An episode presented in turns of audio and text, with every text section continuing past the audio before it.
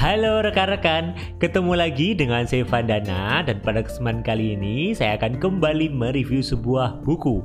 Buku yang akan saya review kali ini kita akan membahas tentang pengembangan diri, terutama caranya kita mengembangkan diri kita, yaitu tentang belajar cara belajar. Hah? Maksudnya seperti apa ini? Kok ada kata double gitu ya? Iya, di buku ini kita akan belajar gimana sih caranya biar kita bisa belajar dengan efektif. Kenapa kok kita perlu sih tahu cara kita belajar? Ya karena belajar itu merupakan keahlian paling penting bagi manusia modern di tengah kondisi saat ini. Dan untuk itu, gak usah berlama-lama, yuk kita mulai review buku kali ini. Bukunya ditulis oleh tiga orang yang mereka itu semuanya merupakan uh, part penting atau tokoh di Pahamify. Nah, yang pertama adalah Syarif Roshan Fikri yang merupakan CEO dari Pahamify. Ia menjadi mahasiswa teknik elektro ITB di usia 15 tahun. Uh, sangat muda sekali dan memang dia aktif berbagi melalui kanal YouTube Hujan Tanda Tanya. Silahkan dilihat di YouTube-nya. Dan juga di buku ini juga ada penulisnya Muhammad Ihsan yang merupakan pendiri juga dan juga Chief Product Officer dari Pahamify. Dia mendapatkan gelar magister sarjana di ITB dan juga ia juga bersama Fikri itu aktif di lagi-lagi kanal YouTube Hujan Tanda Tanya.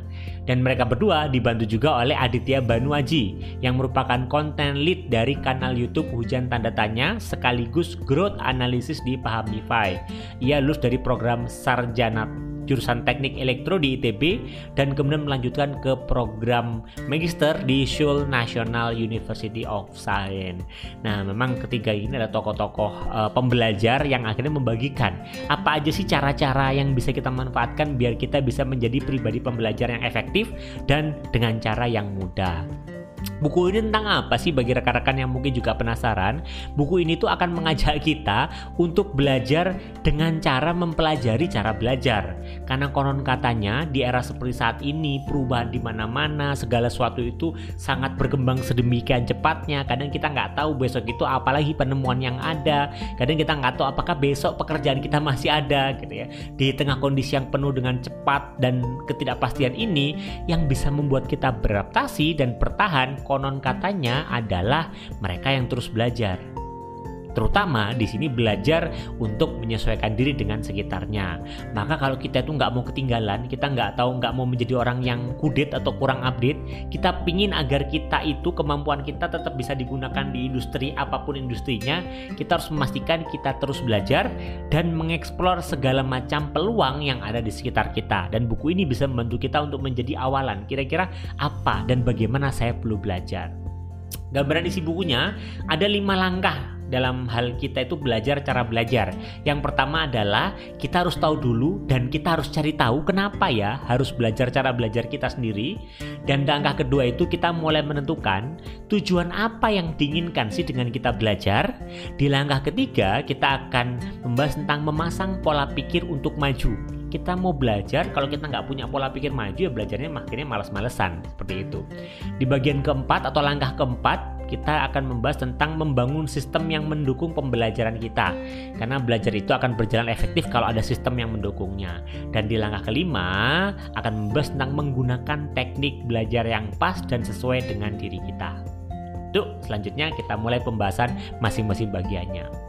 Nah, di bagian pertama atau langkah pertama ini kita harus mencari tahu kenapa sih kita harus belajar cara belajar. Di bagian pertama ini dibuka dengan pendapat dari John Maynard Keynes tentang ke depannya teknologi itu akan membuat makin banyak pengangguran teknologi, yaitu pengangguran yang disebabkan karena industri itu sudah tidak menggunakan tenaga manusia industri itu menggunakan mesin, menggunakan sistem sehingga akhirnya tenaga manusia tidak digunakan kembali. Eh, makanya istilahnya adalah pengangguran teknologi. Pengangguran yang muncul ya karena industri itu menyerap makin sedikit lapangan kerja atau makin sedikit sumber daya yang diserap. Cara belajar yang salah masih dibagian juga ya membuat kita itu tidak bisa beradaptasi karena bahkan kalau kita cara belajar kita salah, kita nggak nyaman, kita frustasi, kita tertekan, kita pusing, akhirnya kita merasa bodoh, kita merasa tidak bisa apa-apa. Padahal bukan kita bodoh, tapi kita hanya belum tahu gimana sih cara belajar yang tepat bagi diri kita. Maka memahami dan mempelajari cara kita belajar itu menjadi satu hal yang penting dan wajib karena kalau kita nggak belajar ya kita nggak bisa bertahan kalau kita nggak bisa berani kita nggak bisa beradaptasi seperti itu Di bagian kedua buku ini akan membahas tentang setelah kita tahu dan kita mempelajari cara kita belajar, kita mulai dengan men-setting tujuan atau goals. Apa sih tujuan yang diinginkan dengan belajar? Karena kalau kita nggak punya tujuan, ya kita akan bingung. Kita mau belajar apa? Kita nggak tahu mana yang kita fokuskan. Untuk bisa memastikan pembelajaran kita itu efektif, pembelajaran kita itu nggak sia-sia, artinya benar-benar menghasilkan dampak, kita perlu menentukan kenapa kita perlu belajar tujuannya apa. Apakah untuk mencari pekerjaan? Apakah kemudian agar kita hidup bahagia? Atau apakah agar kita itu bisa lulus tes e, masuk ke perguruan tinggi negeri contohnya. Nah nanti kita menentukan tujuan kita belajar. Kenapa? Biar kita fokus dan kita jadi kebayang kita perlu melakukan apa. Di bagian ini juga akan dibahas tentang konsep tujuan hidup dari orang-orang Jepang yaitu ikigai. Jadi ikigai itu kan memadukan antara apa yang kita sukai, apa yang kita bisa, apa yang dibutuhkan lingkungan kita dan apa yang bisa kalau kita lakukan itu mendapatkan imbalan. Nah, maka bisa jadi tujuan belajar kita juga ditentukan dengan menggunakan konsep ikigai tadi. Kira-kira apa yang kita sukai buat kita belajar ya?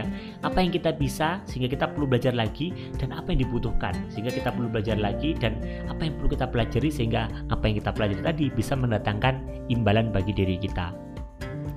Di bagian ketiga atau langkah ketiga, setelah kita kemudian menentukan tujuan, kenapa kita perlu belajar yang spesifik, kita harus memasang pola pikir kita itu untuk maju.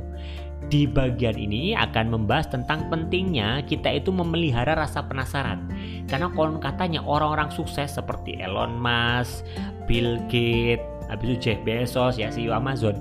Itu mereka bisa sukses seperti saat ini. Mereka bisa punya kemampuan yang luar biasa karena mereka penasaran.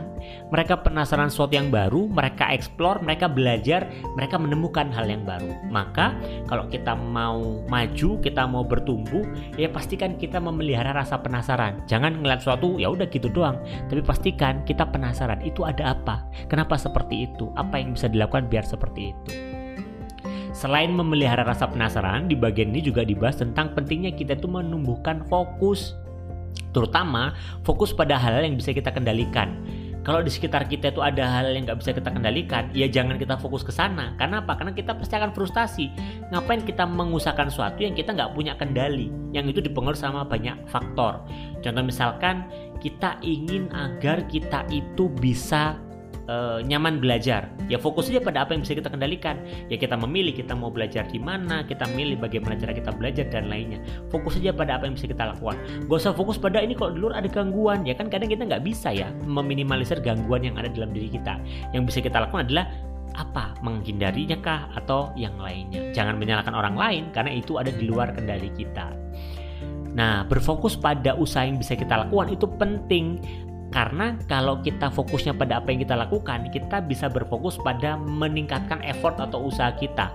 Sehingga ya pencapaian kita pun akan meningkat. Dan di fokus ini itu akhirnya juga membuat kita itu fokus pada effort usaha yang itu membuat kita nggak terlalu memikirkan bakat. Karena bakat itu urusan sekian yang terpenting adalah usaha. Orang punya bakat tapi nggak punya usaha, ya sama saja. Tapi orang mungkin nggak punya bakat di situ, tapi dia terus belajar, dia terus bertumbuh, dia terus berusaha. Bisa jadi dia juga akan sukses. Kenapa? Ya karena dia gigih mengusahakan apa yang dia yakini, dia belajar semuanya sehingga akhirnya ya dia bisa setara dengan orang-orang yang memang punya bakat di sana. Di bagian keempat, ini kita membahas tentang pentingnya membangun sistem. Kadang kita sudah tahu tujuan kita belajar apa, kita sudah tahu kenapa kita perlu belajar, kita sudah tahu cara kita belajar. Tapi karena nggak ada sistemnya, sesuatu yang mempermudah kita buat belajar, ya akhirnya kita akan bingung. Maka di bagian di sini adalah kita perlu membangun namanya sistem belajar. Contohnya, kalau misalkan rekan-rekan ingin belajar untuk masuk ke perguruan tinggi. Sistem itu adalah semua yang mendukung kita untuk mencapai tujuan tersebut. Seperti ya kita harus memastikan kita belajar rutin, kita bikin mekanisme belajar rutin kita, kita ikut tryout sehingga kita dipaksa untuk belajar ya, memahami soal-soalnya, kita berlatih soal-soalnya dan kita diskusi dengan orang-orang yang sudah bisa capai perguruan tinggi negeri yang kita inginkan tadi itu itu. Maka kita perlu menciptakan sistem yang membuat kita mudah untuk kita mencapai tujuan kita dan untuk memastikan kita bisa belajar dengan lebih baik ketimbang ketika yang biasanya seperti itu. Dan terakhir di bagian kelima setelah kita kemudian tadi di bagian 4 kita tahu kita sudah bikin sistemnya ya kita pakai teknik belajar yang pas ini. Nah, di bagian ini tuh membahas gaya belajar apa sih yang biasanya ada dalam diri individu yang biasanya dia maksimalkan sehingga dia belajarnya itu bisa efektif. Nah, menurut Honey Mumford ada empat e, cara belajar itu berdasarkan pada subjek pembelajarannya. Yang pertama ada tipe aktivis. Tipe aktivis ini dia belajar sambil praktek, sukanya praktek langsung, praktekin aja langsung gitu ya. Yang kedua adalah teoris. Teoris ini adalah bukan teroris ya, tapi teoris itu belajar sambil dia tuh menggali teori. Bener nggak sih seperti ini? Maka dia menggali teorinya di mana. Setelah itu ada juga cara belajarnya pragmatis, yaitu belajar uh, sama hal-hal yang ada nilai pragmatisnya, belajar yang ya apa ya praktisnya seperti apa sih? Praktis seperti apa? Dia maunya belajarnya dapat yang praktis-praktis lah.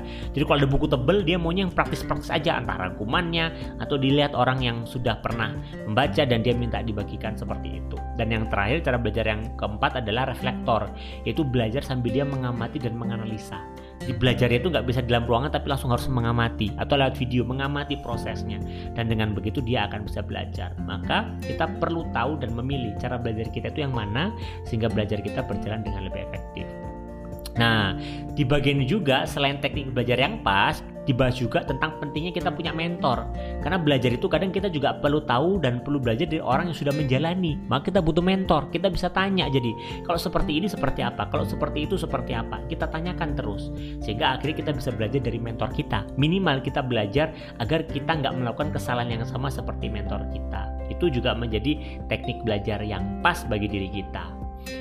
Nah, kesimpulannya adalah buku ini tuh mengajak kita juga untuk refleksi secara nggak langsung. Seberapa paham sih kita dengan cara belajar kita yang pas saat ini apakah kita itu sudah belajar dengan cara yang pas, sudah tepatkah belajarnya, atau apakah kita sudah tahu cara belajar kita seperti apa? Jangan-jangan kita cuma belajar tapi kita nggak tahu sebenarnya yang pas buat kita tuh belajar seperti apa. Nah buku itu menjawab beberapa pertanyaan di atas. Di dalamnya itu nanti kita akan diajak untuk melihat, saya seperti ini nggak ya? Saya seperti itu nggak ya? Dengan menggunakan uh, visualisasi-visualisasi yang menarik ya dan bikin kita tertarik.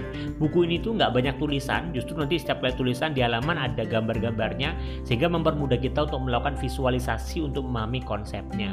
Jadi bagi rekan-rekan yang ingin dapat insight gimana sih cara belajar yang pas buat diri kita sendiri, yuk disimak bukunya. Ini ada di toko-toko buku lain terdekat. Mungkin itu yang bisa saya bagikan di kesempatan kali ini. Moga-moga bermanfaat dan sampai ketemu di review buku selanjutnya.